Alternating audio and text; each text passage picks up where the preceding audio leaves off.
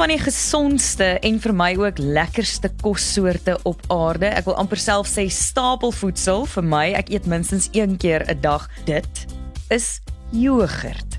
En as jy nou in die Grendelstaat was en jy is 'n kreatiewe en skierige brein soos professor Gerard van Huisteen, dan ontdek jy dis ook relatief maklik om self jogurt by die huis te maak. Ek het 'n heerlike bakkie hier langs my ook wat ons nou-nou gaan beproe.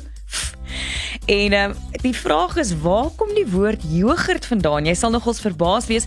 Ook wat is verskil tussen jogurt en maaskaas? Onder andere, jy geweet daar is 'n Zulu invloed. Kom ons vind meer uit in hoe nou? Hoe nou? Met Suan Miller Maree en Gerard van Huisteen. Hoe nou word moontlik gemaak deur afrikaans.com. Jou tuiste vir alles oor Afrikaans. Nou ja, goeie dag professor Gerard. Hallo Suan.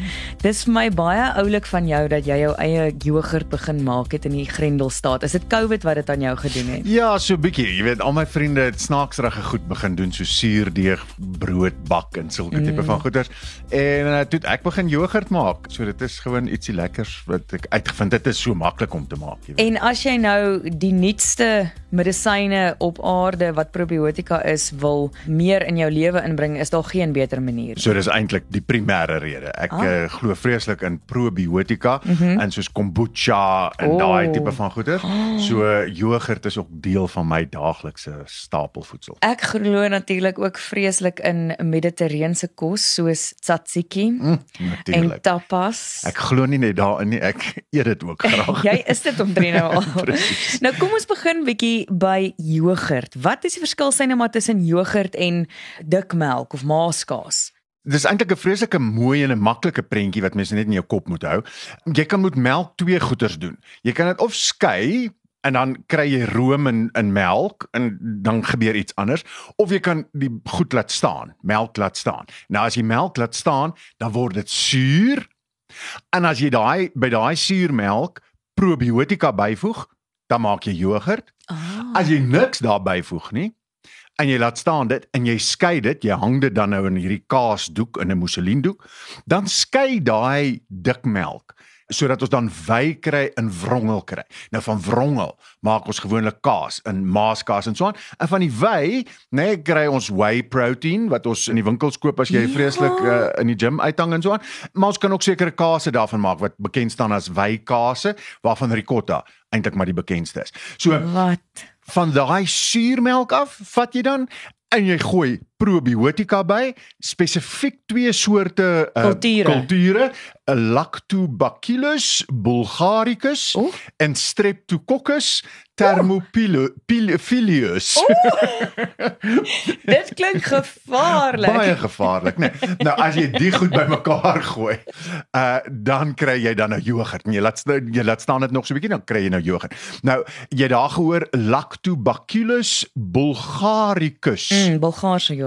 Bulgaarse jogurt, maar die woord jogurt kom ook hier uit die mediterrane gebied uit, nê, nee, spesifiek uit Turks uit, waar die stam, daai stam jog Jog, iets beteken dit soos dik of intens gekondenseer, ah. net net soos hierdie melk word. Mm -hmm. So dis waar in Engels kry ons die woord en in Afrikaans kry ons dus die woord yoghurt uit hierdie Turks uit. En dit is iets wat al vir duisende jare in Egipte, in Rome, in Griekeland in so aan gemaak is. Hierdie suurmelk met hierdie probiotika dan by. Jogg, dis interessant. Wat van iets soos maaskaas? Nou goed, dis as ons daai melk vat en ons sit dit daardeur die doek en daai wrongel wat agterbly, mm -hmm. né? Daarvan maak ons maaskaas. Dis die eenvoudigste vorm van maaskaas. Nou daai woord maas kry ons eintlik uit die Zulu uit. Want in Zulu is IC beteken 'n melkklont, mm. IC en ama si is baie melkklonte. So amasi, amasi Maar, is dis baie melkklonte en daarom sê ons dis amasi en daar uit het ons in Afrikaans net die maas gaan haal en daarom kry ons dus Maaskas wat ons dus eintlik uit die Zulu op 'n snaakse manier uh, Ai, gekry het. Dis 'n lekker local herkoms. Lekker local, né? Nee. En maaskaas het jy laas vir my gesê het so min kalorieë in dat jy Oh. jou liggaam dit omtrent nie registreer nie. So as jy nou ek weet hulle sê seldery as jy dit eet, verbrand jy meer kilojoules om dit te eet as wat dit in jou maag gaan vorm. So as jy maaskaas en seldery eet, as jy dit oor jou hart kan kry, Oh, Baie lekker. dan ek Hoekom oor jou hart kry? Nee, Dis party mense Ja. gril vir dit. Nee. Maar ek eet dit ook graag, maar die helfte van die rede hoekom ek dit eet is omdat dit gesond is. Baie, ek meen baie. iets is net soveel lekkerder as dit minder vet maak, né? Presies, En nou is dit nog gesond ook. Absoluut. So ek dink ons almal moet begin maaskaas en wortels eet. Verstaan jy? Lekker partytjie kos voordat jy die regte kos Ah. uitbring. nou goed, ehm net hierna gesels ons oor die talle idiome in Afrikaans wat met melkprodukte te maak het en glo my, daar's baie. Ons gaan dit melk. Afrikaans is so lekker soos koeksisters, braaibroodjies en kondensmelk koffie. Dit is jou taal. Dit is wie jy is en hoe jy leef. Daarom nooi ons jou. Kom skryf saam aan die toekoms van Afrikaans. Vir gratis leerhulp, taalnuus, vermaak, speletjies en meer. Besoek www.afrikaans.com en volg ons op sosiale media. Koop dit, lees dit, praat dit, leef dit. afrikaans.com. Jou tuiste vir alles oor Afrikaans. Jy luister na Hoe nou met Gerard en Swan en Swan en Swan. Welkom terug. Ons gesels verder oor melk. Ons nou 'n bietjie gesels oor die herkoms van jogurt en allerlei goed wat met sure en bakterieë vermeng is wat baie gesond is vir jou as gevolg van probiotika. Maar nou idiome wat te doen het met melk. Ek kan net aan een dink en dit is land van melk en heuning. Ja, dis seker dalk een van die bekendstes. Nou, waar kry ons die vandaan? Van die Israeliete wat in die woestyn geloop en soek het na Kanaan. Presies. Presies. So dis in Eksodus 3 vers 8 word Kanaan beskryf as 'n land wat oorloop van melk en honing. So dis nie noodwendig die land van melk en honing, dis 'n land wat oorloop van melk en honing. En daar sit nou 'n hele klomp teologie agter daai woord oorloop. Dis nou nie ter saake nie. Maar daar het melk eintlik verwys na as dit 'n vrugbare omgewing is, dan gee die diere goeie melk, né? Nee? En baie melk, so daar's baie melk wat gegee word, was waarskynlik kameelmelk of so O, iets. genade. En en daai heuning het eintlik nie verwys na baie heuning nie, maar het eintlik verwys na die nektar van dadels. So en nou verwys ons deesdae na enige iets wat jy weet waar dit 'n lushof is, verwys ons na die land van melk en heuning, nê. Nee, dit was vir sommige politieke partye 'n land van melk en heuning na 94 en vir ander was dit voor 94 'n land van melk en heuning, jy weet.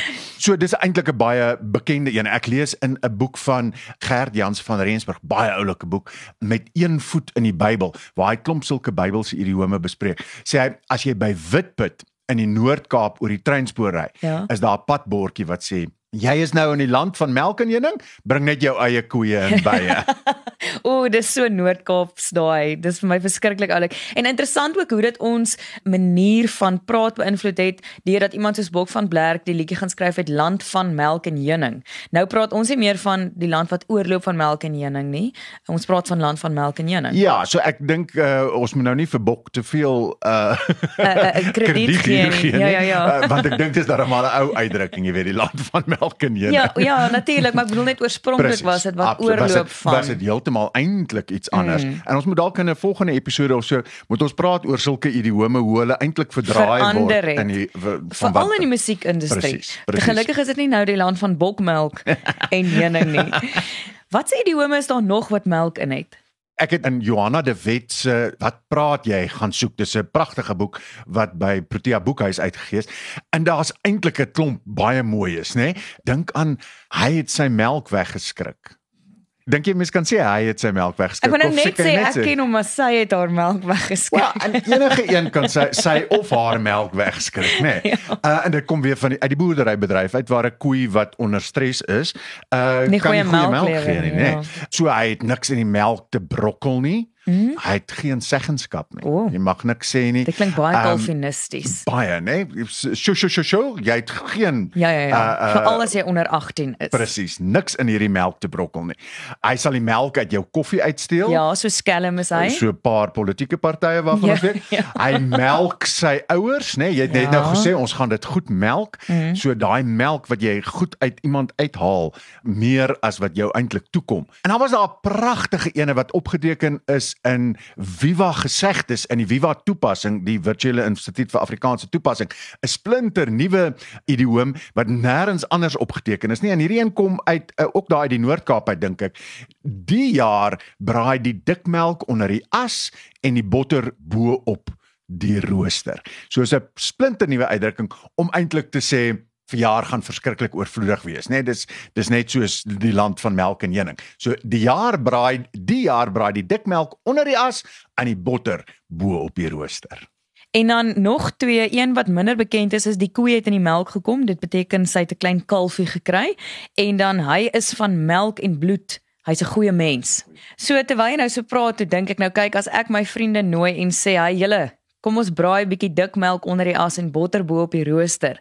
Gaan hulle dalk hulle melk wegskrik vir my, veral as hulle daar aankom en sien die koe het in die melk gekom en ek het in die melk geval. Maar as hulle hulle idiome ken, sal hulle gou besef ek sal nie die melk uit jou koffie uitsteel nie, want ek's eintlik van melk en bloed. Pragtig. En so aan omdat jy gesê het bloed, dink ek is tyd vir terugvoer van ons luisteraars. Nou tannie Christa van Swizer se wêreld, ek dink jy ken ook daai wêreld. Ek ken daai ehm, wêreld Gerard het vertel hoe hulle altyd as die melkery klaar is in die vroegoggend het hulle die warm biesmelk kon drink hulle as kinders. Mm, mm. En ek weet my ma het ook altyd daarvan vertel. Ek weet nie of jy dit al geproe het nie. Ja, absoluut. Biesmelk absoluut. En dan weet ek my ma het altyd melkkos gemaak. Hier's 'n paar mense wat ook vertel het van melkkos. Party mense eet dit met spaghetti of 'n tipe van 'n pasta ook binne. Ja, dis lui mense wat dit doen, né? Is dit? Mens maak dit mos met regte meel en botter. Jy hoop my ma luister nie nou hierna nie. Maar maar ja, my paafretjies het sonder die pasta deel, maar solank jy net kaneel bysit, dis heerlik.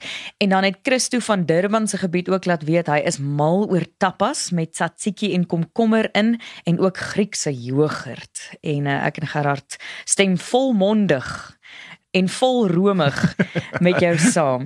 Dit is regtig 'n lekker ding om te geniet. Ons het dan maar 'n ryk of sal ek sê 'n romerige taal.